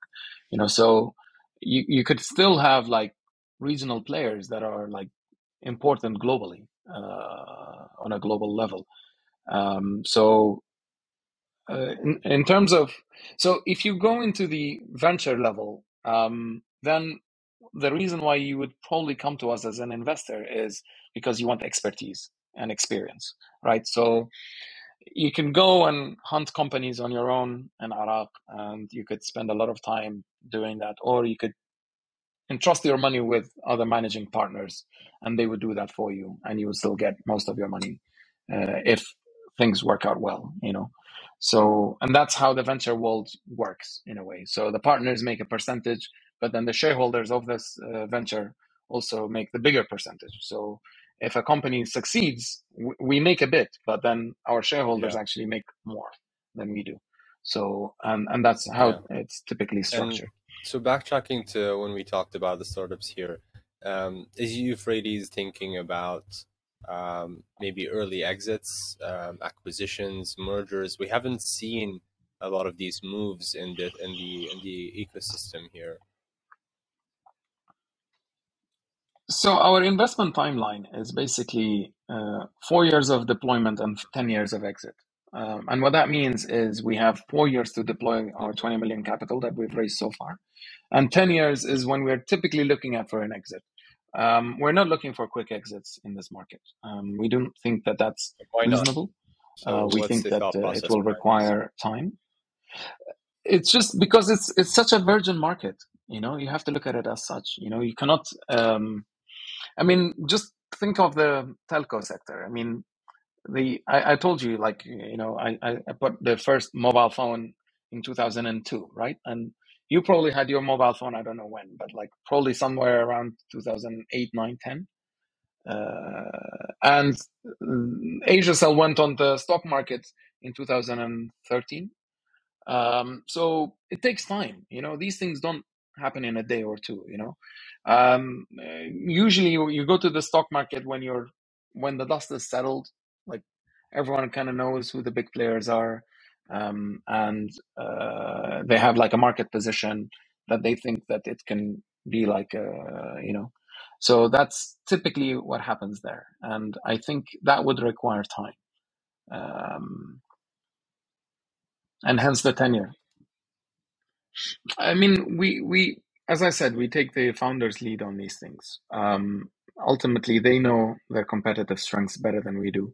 Um, they see how um, how they want to take their business. What we are um, very focused on, though, is uh, the Mm. importance of growth at this stage We think that it's important for startups or actually growing companies to continue growing, regardless of what's happening in the market. Um, because you know sometimes you have to look at like market expansion uh, as opposed to uh, just um, and this is what normally happens when you have like foreign entrants etc coming into a market you know like sometimes they can enable uh, an expansion of the entire market itself. Um, so you know it, it allows room for more players, uh, but also it means that consumers are actually more comfortable um, doing more using tech uh, in general. So it's not necessarily just one company, but it's like a whole uh, ecosystem of companies that are doing that. And ultimately, that's what drives innovation and um, change. Because you know you got to think of this. You know, like the, the primary reason why you have companies is what's called a process of creative destruction, right? And the process of creative destruction is I can do it better than you, cheaper than you, faster than you. Like and and, and every business that you can imagine in the world uh, goes through that, you know, uh, and and they they kill the other business that weren't able to do it faster, cheaper, better, you know, uh, and and so so in a way, um, it is to be seen, right? Um, sometimes some mergers don't work because like the cultures don't mix. Uh, sometimes the cultures don't mix very well, like the company values don't align very well with each other. Sometimes they come off very naturally and people are on exactly the same page, and it's just easier to to merge the teams together. Um, so it really depends on a, a, lot of soft factors. I wouldn't call them really hard factors. Yeah. Uh, these factors, you know. Uh, I, I wouldn't worry too much about you know what you're doing is what's usually called an, uh, analysis. You know of uh, you know you're trying to forecast where the future will be, and I think you know there's a really nice word by Steve Jobs that I always love, and that is you know you cannot connect the dots looking forwards. You can only do so looking back. Uh, and I think for every founder in, in Kurdistan and Iraq, you know, don't think, you know, don't try to connect the dots looking forward you know. Um, try to look at, back at where you've been and see what you can build on top of it and see where you feel like your contribution can be at this time in history where you are in your career if you're even if you're the founder of one of these startups don't don't worry too much about losing market share. You should focus more on thinking about that this eventually will only expand the pie, the major pie. So I would absolutely think about losing market share, but what, what I have seen is a lot of the times people don't, and that's partly because we have so much lack of data in general in Iraq, but there they're unable to find, define what their market is. Um, so if you're unable to find where your market is, it's hard to say what your market share is, right? So, uh, and and that's part of the, the the the issue. You know, you have to be really, you know, like asking yourself this question: like, what is the market that I'm attacking? What does it constitute? How much that how much is it worth to me? Uh, you know, and that would get you as a founder more excited uh, about it. And I think, you know, um, if you look at every market that there is in in in Iraq, you know, um, there is a severe lack of information, right? Uh, but you could take an educated guess if you really uh, pushed yourself very hard. You could see, okay, like the car market is this size, you know. Um, based on number of registrations of cars, based on عدد السنويات. Like you could try to, you know, uh, okay, how big is the housing market? Like you could say, okay, a typical house is, you know, 4.5 people, so 40 million divided by, you could still try to get a figure out of it. Like it's not just based on thin air, right? And and and I think that's really important, you know, as startups, you know, to to look at the market, not just necessarily their competition, you know, because if you see the market, you know, your competition won't really matter. Um, you, you're you're looking at that, that slightly bigger picture, um, and uh, if you're losing market share and you're looking at the wrong market, then you have a problem. Uh, uh, so you have to look at the correct market and then decide whether you're losing market share or not. Hmm. So I think you have to be very critical of data that you get in I think that would be um, my my advice. That if they tell you, you know, and I, I remember in my telecom years, you know, we used to have like these population data, and like you say, okay, should we expand to this uh, town outside the city? And you have like the government official statistics, and then we developed something called a uh, geomarketing surveys. And that's when you basically someone there send someone to the ground and say just ask like how many people do you think there are in this town? And we were always we were always shocked how different the uh, the official stats were compared to what we were actually hearing on the ground and it's important to be critical of that eh, like if you look at a, a, a, a town outside town and say okay how many schools are there uh, you look at the government data, it's one number. You go there and you see a different number. So it's it's important to always trust but verify. Uh, you know, data that comes out of Iraq. Um, and obviously, experience and expertise helps. Um, asking the right people helps. Uh, reaching out to people that might know that data helps. And um, some of the things that I always tell startups is I always try to also help with mentorship around around that area. Um, when they reach out to us and they say, you know, this is our pitch, etc., um, we question that because we want to know whether um, you know it's built on solid foundations or it's just guesswork. Yeah, exactly. Being being data oriented is is one of the best traits to have as a startup. So, okay, now that now that we've talked about all of this competition, let's move on to sectors you have your eye on. So, Mm-hmm.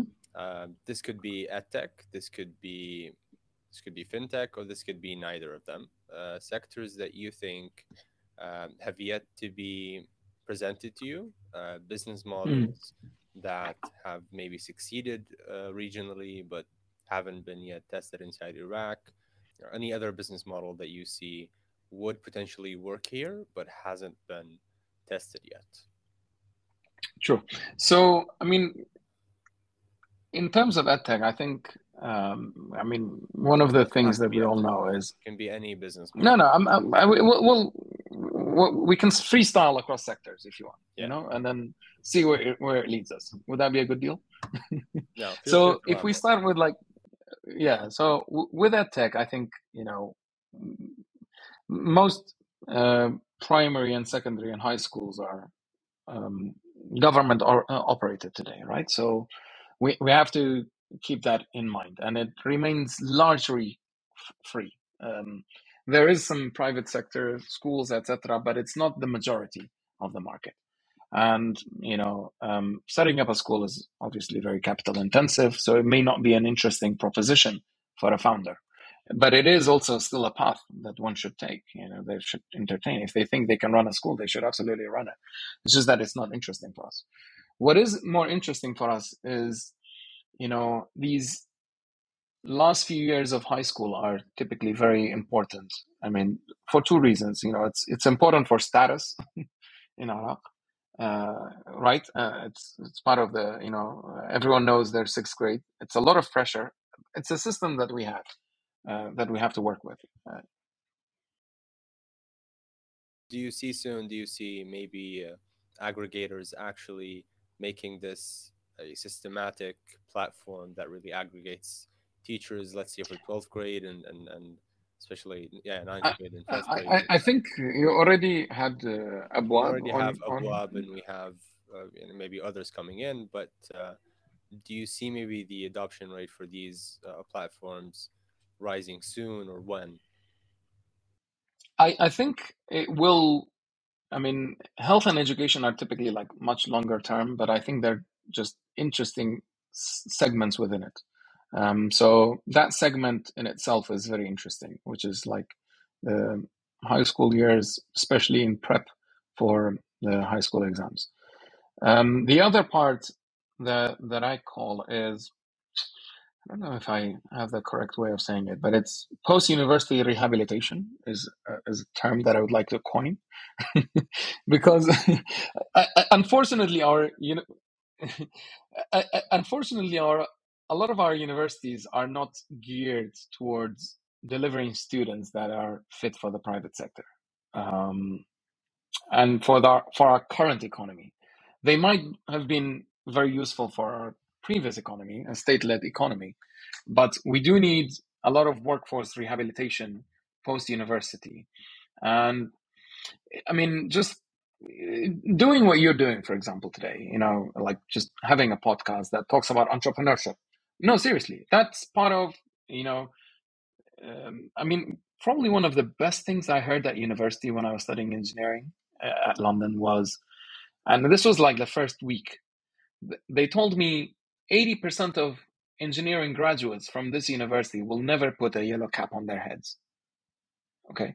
And that was really liberating for me, you know, because it allowed me to think outside the box of engineering.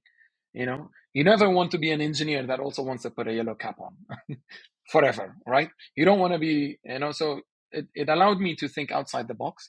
And I think a lot of the universities today are unfortunately not telling people that they can reach their true potential by um, by picking up careers that they like. So, you know, those there's been startups that are doing this in English and programming, UX, UI design, entrepreneurship, digital content, you name it. I mean, all of these things are forward-looking uh, sectors that are currently um, I mean, if, uh, uh, the other day I was looking at like accounting. You know, I mean, accountants are in short supply. You know, I mean, and it just means that the accountants that we're currently generating are no longer fit for the requirements of uh, companies that we are currently producing. Uh, it doesn't mean that we don't have accountants. Uh, we have accountants. I'm sure we have accountants. It's just that how many accountants do you know that know QuickBooks uh, and Xero and uh, that can run a, uh, accounting for a, small medium uh, enterprise? You know, things like that. Um, so that would be the two areas that I would think are very interesting. The lack of public infrastructure is huge. Is a huge problem. I think, um, we'll move on to the Karim, subject. Yeah. lack of infrastructure. Um, it goes on to saying so do you think SMEs and startups are willing or capable of filling these gaps themselves uh, when it comes to lack of infrastructure, even banking, uh, online digital services? Uh, do you think the private sector will be able to make a, a move this big? Um, I mean, it's a really big question, so I'm not going to be able to say that I know what I'm talking about. Uh, I think the jury is still out on that. Um, what we do know is that we are not going to have a public led market in that area. So uh, where where there is is that there is a gap uh, that needs to be filled. Um, I I don't think we we are going to go back to a time when people are expecting the state to do everything. Uh, I think that train has passed. Um, so then the question is, what are what are the areas that the private sector can help and transform um, in, in in that wider discussion? You have food delivery, you have food delivery, you have postal deliveries, etc. But you also have you know, decades old laws. I mean, today, package delivery in Iraq, according to a law from 1973, can get you in jail for six months. This was in a tweet of yours. It can literally get you in jail for six months. Okay. And that is because, you know, Saddam Hussein really looked at, he, he loved looking at our packages, I guess. Every letter that everyone wrote uh, was so interesting and flattering, right? So it's, it's that old system that startups also need to think of dismantling um, step by step. Um, it, it is also this thinking that that, there is also um, uh, we have to also engage on the regulatory side as as an ecosystem because uh, you know if it's illegal, it's illegal, right? So what do you do? You know, like uh, I, I think personally for me, you know, the the the only law that is the law of the land in Iraq and in Kurdistan is the Iraqi constitution. So I would read the constitution and see if there is, if what I'm thinking of doing is it unconstitutional. Uh, and if it is, then forget it. But if it's not unconstitutional and if it's the constitution that we've all sort of agreed on as Iraqis, uh, then those laws may be unconstitutional themselves. Uh, you know, um, I, I think uh, you know package delivery is one of them. Like the state does cannot have the right to look at every package without a court order. So uh, we need to think creatively on how to uh, fight these things um, and, uh, and, and bypass them. Uh, and, and that's my view on that. Excuse me if I circle back to what's your opinion on what sort of gaps can SMEs and startups fill themselves when it comes to these? So we're saying supply chains, um, infrastructure. This could be banks, payments, digital services. So what sort of gaps can they fill themselves without? Because we've heard this over and over. This is a broken record saying it's the government's fault. It's the government fault. And and now the new trend these days or these months is saying it's the big banks. Uh, we don't have a banking system. It is correct. We know this, but there's always this entrepreneurial mindset that says yeah, I do see this as a big mountain that I have to cross, but now I should be speaking, I should be talking about how to cross it. So, filling in these gaps, what business models do you think should or could work in filling gaps? So before I go there, I, I was last week with a bunch of entrepreneurs and they asked me a tangent question. And they said, you know, Iraq has a huge water problem coming up, you know, and what's going to happen? and my answer was very, very simple. I said, it depends on what you want to do about it. Uh, you know, it can be a huge problem if we left it unchecked, right? But if someone decides that that is a problem that they want to, um, you know, it, it's a it's a cause worth fighting, um, then then you'll make something out of it, right? Um, and it's it's the same thing um, for uh, as a startup. It's uh, I, I think of it in the same way. You know, you see something that is broken, and you have two options. You can you can either look at it as a problem or as an opportunity, right? And I, I think most founders look at these things and they say, "Oh, you know, I see an opportunity here," and see how can uh, how they can um, look at that. Um, so it's mostly a perception issue um, I mean, the, whether the glass is half full or half empty, it doesn't really matter. It depends on how you perceive it. Um, so uh, I, I, think that broken old record that is the government's fault is. Um, I'm, I'm glad it's finally uh, uh, melting uh, because, and, and that is to, to, to be very honest, that is also an intergenerational issue. Like it's what we were taught from our parents that you know you should expect the state to do everything, and you know that the state. You know, I, I think there is a company that almost competes with IKEA, شركة الأثاثات المنزلية المملوكة للدولة. يعني you have a government-owned company that produces furniture, okay, for the state. يعني in Baghdad, you used to have leather companies that were doing it for the state. يعني can you imagine today you wearing a, you know, a leather jacket that is built by a government official?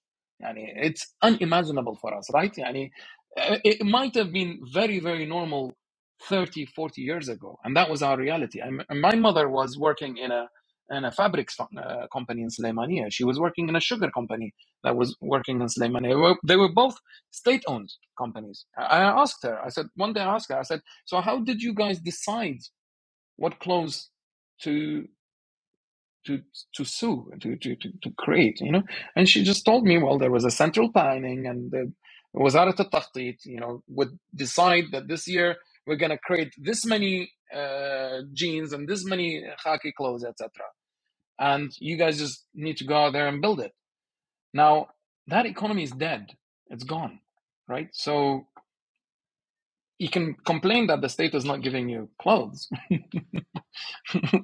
All right. But the reality of it, you have to think a bit more creatively now and say, okay, if I have a clothing brand today, how can I compete with Shein in China? And um, how can I uh, build an innovative uh, fashion brand that can sell to consumers across Iraq?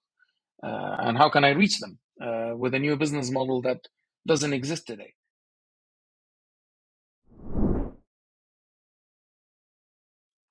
So one of the things, I mean, I, I did an MBA uh, at the American University in Slemani, and one of the best books that I read uh, at that time, and I still refer back to it once in a while, is a book called Blue Ocean versus Red Ocean.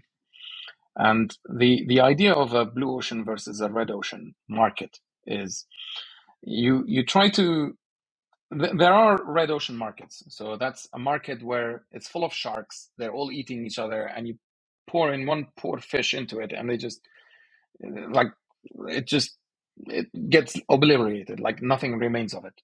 Uh, and then a blue ocean is basically somewhere where nobody even cares to look at it, and everyone is like, "Oh yeah, you know that might be interesting, but you know." We still have like the other market that we should be really looking at. And I, I would really ask entrepreneurs and founders to, to look at the blue oceans more, not not the red oceans. I mean, don't try to set up something that everyone is fighting, and you know, look at this one area that nobody cares. You know, that it's just you on, on a nice, you know, clean water, clear. and and the, the, the, the I mean a popular example of that obviously is electric cars today. You know, for for a long time, you know, everyone thought that electric cars would never work. It was just impossible for anyone to adopt it, etc. But uh, they're here, and you know, the companies that worked on electric cars like Tesla, etc. They had a few years of them swimming in a blue ocean um, the, the big players didn't really care about what they did. They didn't even believe in what the uh, blue ocean players were doing. And I would think of this as the same way. Like Careem entered the perfect blue ocean in this area. Like everyone thought that, you know, there is no way you could disrupt the taxi market in Iraq. Like Iraq is too archaic and nobody would order. But you had women that had a problem with ordering a car, a taxi, you know? And and that is a real problem there that needs to be fixed. So uh, and I think uh, you know the success story of Careem is uh, impressive in general. But for me, what really is interesting is how they how well they were able to adapt to the local uh, market ecosystem and how to how they well they were able to attract likes of Marwan etc. to be able to grow their business uh, and to succeed uh, in their in their market expansion. So transportation Uh, so I, I again, you know, transportation is is is a huge issue. Uh, whether you're talking about ordering a truck from Slemania to Erbil, uh, truck from Erbil to Baghdad, you know, whether you're talking about warehouse tech, whether you're talking about logistic tech, um, distribution, um, and, and you know, the alternative side is the public transport side. The the public transport side is obviously a lot more challenging, I think, in a way because um, and it, Swvl, for example, really worked on like intercity travel. Um, unfortunately, in Iraq, because of many years of conflict, etc., like communities are a lot more segregated, and people don't visit each other as much as they used to. I mean, I remember in a, even in the 80s and 90s, you know, like everyone used to study at a different university from their hometown, right? Uh, now that is a lot less likely to see for different reasons. Um, uh, so people are traveling internally a lot less uh, than before. So it makes certain businesses different. Uh, it doesn't make them uh, unapplicable. It just makes them different if they are implemented in in a in a market like Iraq. You know, in, in, in markets like Iraq, you know, public transport is probably like a lot of government employees need to go to office. A lot of um, civil servants need to move on a daily basis. A lot of private sector people. I mean, you go to work every day. So how do you optimize that? How do you make that happen? Is probably going to be a, a, a more practical approach, uh, given the local issues that there are. Yeah, it's interesting you mentioned uh, tech logistics. So maybe Yeah, capitalizing on the uh, let's say the the gaps that the the current let's say red oceans are uh, are facing, and then capitalizing on those. I think the FMCG sector, in a way, is also very, um, very traditional. So, and there's probably over ten to Like just like FM. uh, Uh, Fredman says, stupid question, but w- can you elaborate? What does so FMCG is fast-moving consumer goods. Uh, so these are basically things that people use on a regular basis, and they need to buy them on a monthly basis. Anything that you buy on your corner shop at a grocery store is typically an FMCG product. Uh, you know, so whether that's your, uh, you can go anywhere from toilet paper all the way to you know, toothpaste and anything that you can buy from like the corner shop around the on a on a monthly basis. And and that sector itself is, I think, really really uh, segregated. One in Iraq and two is um, very inefficient. So I do see a lot of tech uh, opportunity there that it can help these businesses themselves grow, uh, but also become more efficient and a lot less problematic for their operations, for their, and you can do that, I think, in a profitable manner if you do it correctly logistically. Uh, but obviously, it's not easy, and a lot of startups that they have done have done similar things in in the region and they've uh, succeeded. And I think I'm seeing a lot more startups looking at those startups and re- realizing that okay, you know, there there might be something there. Yeah, so you know, supplying to these groceries, making sure that they are, you know, like because you know you could have so much of online uh, commerce, right? Um, I mean, r- retail sales will remain the majority of the market for for for a long time to come. So, what can you do in that sector that can that you can differentiate yourself using tech, that can innovate, that can uh, in, uh, introduce new business models is interesting to us. Mm-hmm. And what about cloud kitchens and dark stores? You... Cloud kitchens are really capital intensive. I mean, that is probably the one reason why we didn't care about that sector. Um, you know, and, and and and this is brings me to a good point. point, and I think you talked about like SMEs and I think sometimes we can overgeneralize um, investments in general. Okay, so let me um, maybe I'll try to set up like a thought experiment. So let's say you have a factory that you want to set up in Italy, and you want to have a factory that you want to set up in Baghdad. Okay, both factories are let's say 100k. I mean, we'll, we'll keep the figures simple. All right. Um, so this is what's usually called a capital expenditure. Okay, so this is the amount of capital that is required to build the factory. Let's say in Italy, you know, it's a good market, but it's very competitive, and you can make ten thousand dollars a year. Okay, and let's say that in Iraq, it's a very, uh, you know, non-competitive market, and there is very little competition, and you can make twenty thousand, twenty-five thousand dollars $25,000 a year. Both have factories. Both have um, specific capital requirements. What changes from a founder perspective is the following: for a for a factory in Italy to set up, you can go and get up to 80% of the factory cost as a loan from a bank. Right? So you tell your investor, I need $20,000 from you, and I got $80,000 from the bank. So on $20,000 of equity, you were able to generate $10,000 in profit, right? And that is 50% uh, return on equity. Uh, the founder in Iraq, on the other hand, won't be able to get a bank loan. Um, so he needs to get $100,000 from the investor for uh, for the uh, for for that project. And the uh, since there is no bank loan in this process, um, there is very little uh, financing in the uh, debt side in Iraq. Then the investor would look at this and say, okay, well, you need 100K and I'm going to get 25K. So the return on equity is actually lower than the Italian one, right? Uh, the Italian one gets more uh, as an investor on their investment. And, and, and I think that that's part of the, I mean, I, I, I gave that very simplistic idea, but it, it's important to think in terms of how capital intensive is your industry that you're ta- trying to tackle. Like, because ultimately, if you're going to go to an industry that needs a lot of investment from investors and it cannot be financed without investors, then your share in that company would probably be a lot smaller as a founder uh, because um, you just need a lot more capital from outside.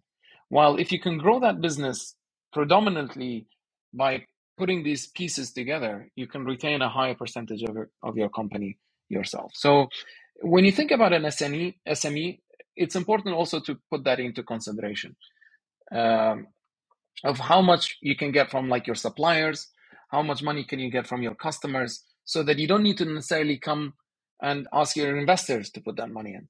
Uh, I, I think you know, and it can create interesting business models as a result of that too.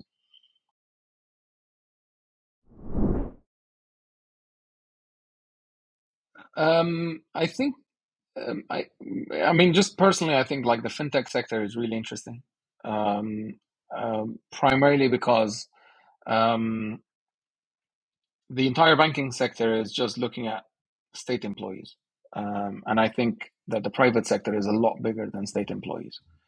Um, I think there is uh, a lot more that could be done um, outside the financial sector that caters for the private sector. uh, not necessarily driven by the public sector. And you know, it, it's it's a classical blue ocean uh, play. You know, everyone in every bank that you probably have spoken with has chased some form of government. Uh, what do they call it? The um, the Tawteen program. Uh, uh, right? Everyone chases that. It's it's a bloody war. Everyone is chasing it. I think.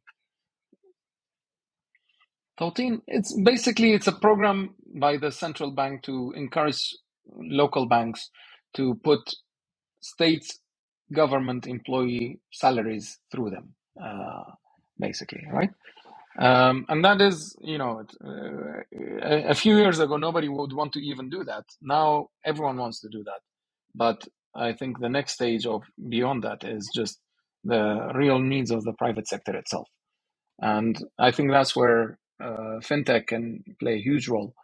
Uh, there, there could be lots of different solutions. You know, I mean, uh, I think uh, the fintech capitals of the world are actually in Africa, um, and we could learn a lot from from them uh, on how to um, how to do things in Iraq. And what other business models inside fintech? So now we've talked about um, the government employee salaries being capitalized on, but other than that, what are we looking on? Credit. Uh, so what? So the the fintech sector is huge, but I think the foundation of it is credit worthiness and credit assessment, um, and I, I, think that's where traditionally in, in countries like Iraq, where the majority of the economy is informal, you have to look for a way, another way of credit assessment. And uh, I mean, I'm involved in a startup, as you know, it's called Zaytoon, that we're looking at doing, and it's one of the things that I, you know, think as I mean, it has nothing to do with the Euphrates Ventures. It's just something that I just find it really interesting. You know, uh, that I, I do think that you know, um, credit worthiness and assessment based on um, based on data is really uh, important. And usually, you know, as, as I said, you know, smartphones. Everyone has got smartphones. I think it can be uh, an interesting way of assessing credit uh, and credit worthiness using the data points on smartphone data. I think it's uh, provided that there is correct consent uh, in that sector. Um, there could be um, a lot more room to grow um, uh, that part. And I think um, we can even uh, do it that is in compliance with Sharia laws. You know, so, you know, typical Islamic banking would not involve me giving you cash and receiving cash back, but with an interest, but rather goods and, you know, uh, return of the goods plus an amount would be a, a more uh, interesting play. So, uh, with Zaytoon, we're working with like uh, lots of providers to to see whether we can unlock um, this market itself. Um, especially the uh, at, at, the first stage the b2b level uh, but then it can also go to the b2b to c level. Um, uh, and this solution can be as simple as downloading a smartphone app and you know getting a credit assessment but using your um, uh, your relationships and the existing suppliers that you work with it can be a lot more interesting um, as a business to grow your business for example. Uh, and we've seen that happening in like you know whether you're you're a pharmacy whether you're a mechanic whether you're uh, you know uh, in all sorts of sectors there are untapped data that can be used to make better credit assessment. uh, i was looking at a startup in africa they were looking at crop yields um, from farms using satellite imagery uh, I mean, there are satellite imageries in Iraq too, right? I mean, we don't have a problem of say, and they can use a high level of certainty to to be sure of the crop yields in that specific area. So I could see this merger between um, data and finance uh, working in Iraq. Um, using new innovative business models, not the, your typical come to the bank and fill, fill a form and let's try to do that but actually like looking at the sky and say okay these are the interesting areas that could do good wheat production next year and we could provide these guys loans you know if they come to us you know uh, because purely we've seen like their historical production and we think that they can do it profitably um, i think that that is the the way I look at fintech in general. Uh, that is very data driven, very up to date data driven, not your traditional, you know, uh, Wizard Zara or uh, you, you did mention Zaytun. We were going to we were going to speak about it eventually. Zaytun, uh, how did the idea come up? That's first. And uh, so, what was what was the what, what were you driven by? What was the uh, what was the motivation to make Zaytun? That's first of all, and second of all, uh, what exactly is the business model? So you you did just speak about uh, credit evaluation. You can maybe dive more into that. And lastly, the name Zaytun. Where did it come from? Yeah. So um, it, it, I mean, Zaytun is really a, a, a result of a bit of boredom um, and frustration.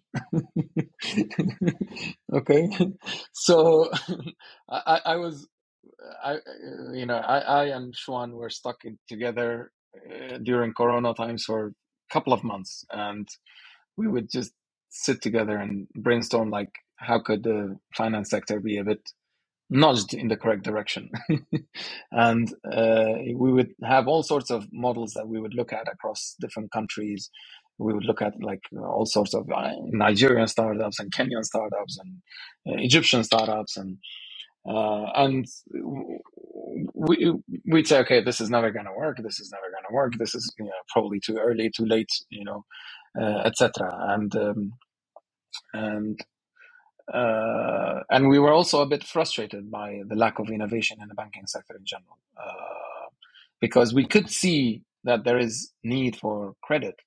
It's just that today it's all collateral based, right? So if you go to a bank today and you ask for credit, you know the first thing they ask is where's your topo, where's your car, you know, can you put it in our name, you know, etc. etc. And um, I think it can be better. If if every business outside Iraq was forced to work like this, I don't think we would have a lot of big private sector uh, growth, to be honest.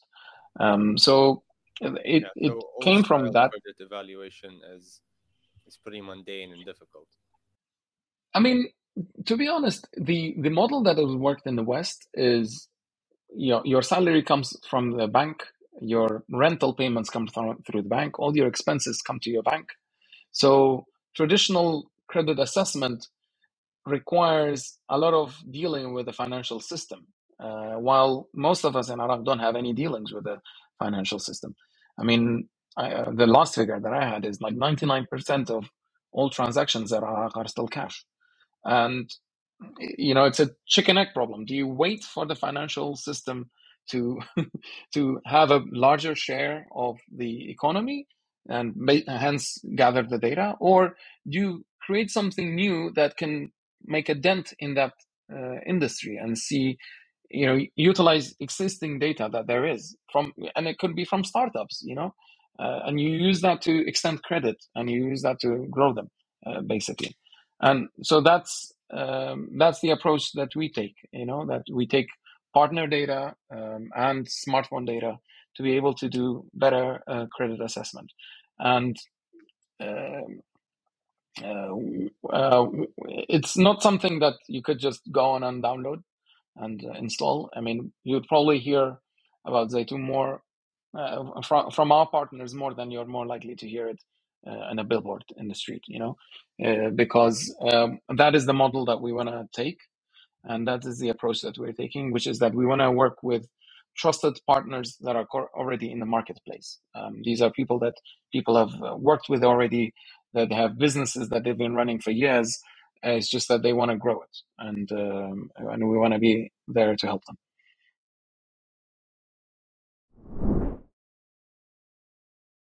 To add on that, I think that's why one of the biggest investments companies should be doing is is in is in human resources because yeah. Now that we've established that each region is, is so different and that leaves you with no choice. You have to invest in these uh, in these talents. You have to invest more in talent acquisition, retention, and growth because that's the only way you'll be able to, well, first of all, attain growth, and and then that's the only way you'll be able to fight off against competitors because um, no one knows this region more than talent that you acquire from it.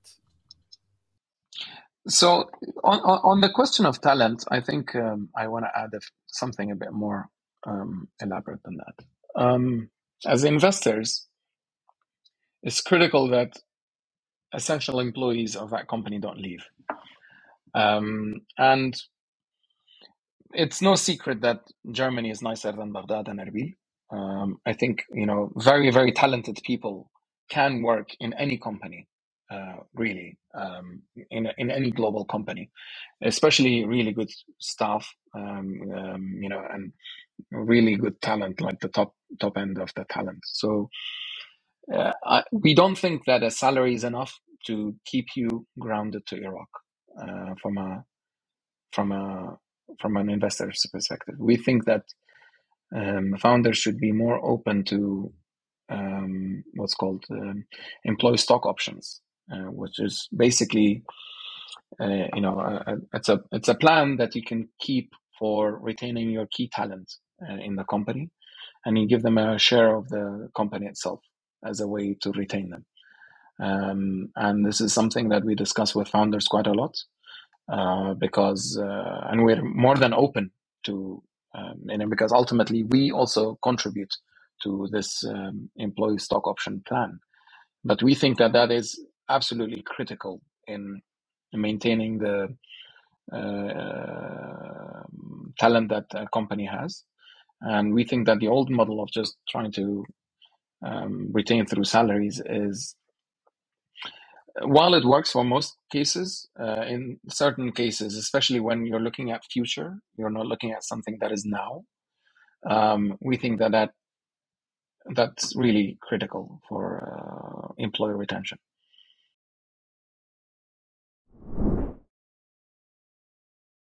Yeah. So gratefully, we only have two questions left. So Yalla. Uh, let's storm through. We've been diving in pretty deep um, so the first one is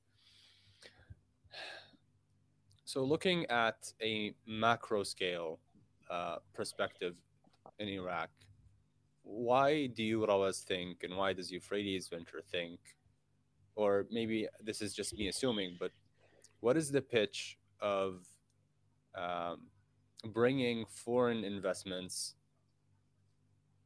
on the other side of convincing uh, national and, and old style capital holders of investing in these new sectors. So you, you brought up the story of uh, Ammar uh, really struggling with convincing old style cap to invest in, in startups like his, but at the same time, it is an investment that's worth the results. And someone who might be defending the idea of bringing out uh, foreign investment might say, well, foreign investment comes comes along with a package of, of know-how and expertise, but again, that know-how and expertise can be outsourced and bought. Uh, but I do think that um, maybe, on the other hand, convincing uh, internal uh, national uh, capital to to be in, to invest in these new startups could be a good idea. So, what do you think about that? Um, so, let me start with the last part of that question first. Um, I think the the national capital can absolutely be very, very critical, provided that it has a growth mindset and not a fixed mindset. And by that I mean, uh, uh, I, I, I, I do think there is a lot of opportunities for local investors to also invest in tech or invest in startups, invest in the SME uh, scene. But they have to keep the rules of the game according to what it is. And that is, you cannot go to a founder and tell them, well, this is too easy. I can do this myself. You cannot go to a founder and say, you know, why don't you come and work for me for a bit of money and on a payroll? Um, you have to truly think: Is this a business that is worth pursuing?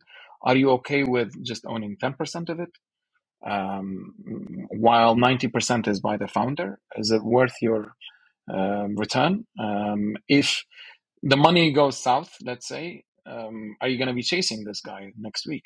You know, um, so these are the local considerations for startups, and I think, um, I mean, just theoretically thinking about it, we do have a, a huge expatriate community, both Kurdistani and Iraqi, because of 40 years of war, that have really they, they understand this. Um, they understand this dynamic outside. Uh, we may not have a lot of local investors that understand this dynamic, but we do have a lot of uh, Iraqi expats uh, that understand this. And I think that that is a segment that it may be worth pursuing as um, as startups. That is, you know, people that have built their wealth outside. They've been doctors, engineers. They've started their businesses in the UK, Germany, you know, UAE, etc and they don't necessarily want to run their own businesses in Baghdad or in Basra or in Sulaimania or in Erbil. So I, I think that that is probably a better avenue than going to your typical unexposed old money Iraqi capital. Um, so that is my word of advice there. And for um, for the regional players, I think you know um, it's just the market size Um, it is the potential that uh, Iraq and Kurdistan has. Uh, it is untapped. Um, it is 40 years of war. So if you think that security of Iraq will remain stable uh, for some time, for a foreseeable future, uh, then it's worth investing in. If you think that the security situation is going to go really bad and there will be, you know, etc., uh, then it would be a harder sell for you.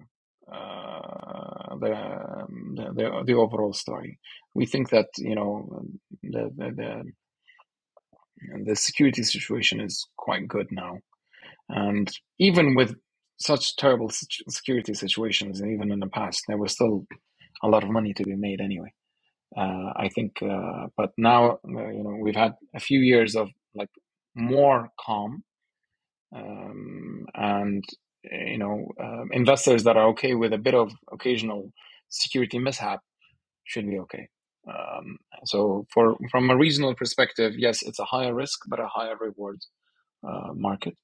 And if they're chasing growth, and if they're chasing, uh, you know, if they've run out of areas to invest in their home markets, then Iraq is the next one.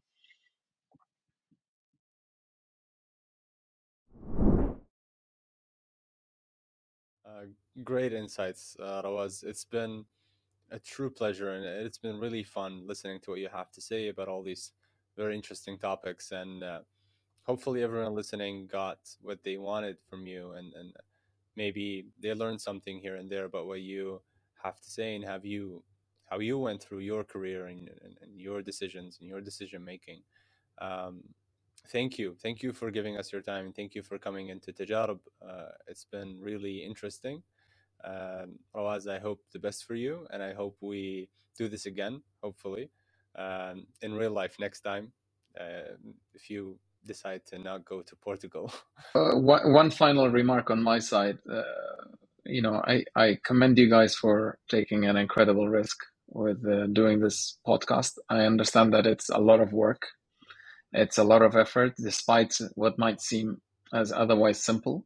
Um, so I want to thank you guys for doing this. Uh, I think it's important that um, we all grow as an economy and as an ecosystem together, and that we share our experiences. And um, I think what you guys are doing is really important in just putting everyone um, having an open platform to basically uh, discuss different uh, ideas, and hopefully all of us will be benefiting from an open-ended discussion and a platform. It's a, it's a true pleasure to to hear this echo from you. The the reason we're still going with this broadcast and the reason we started is that we want to streamline thoughts and ideas from people like you. Um, everyone should have the privilege to to sit down and casually chat with um, say mentors and and and uh, success stories like you are, and uh, that partially and mainly is the reason we're still doing Tajarib, and hopefully people also have fun watching this. Um, so again, thank you, Rawaz.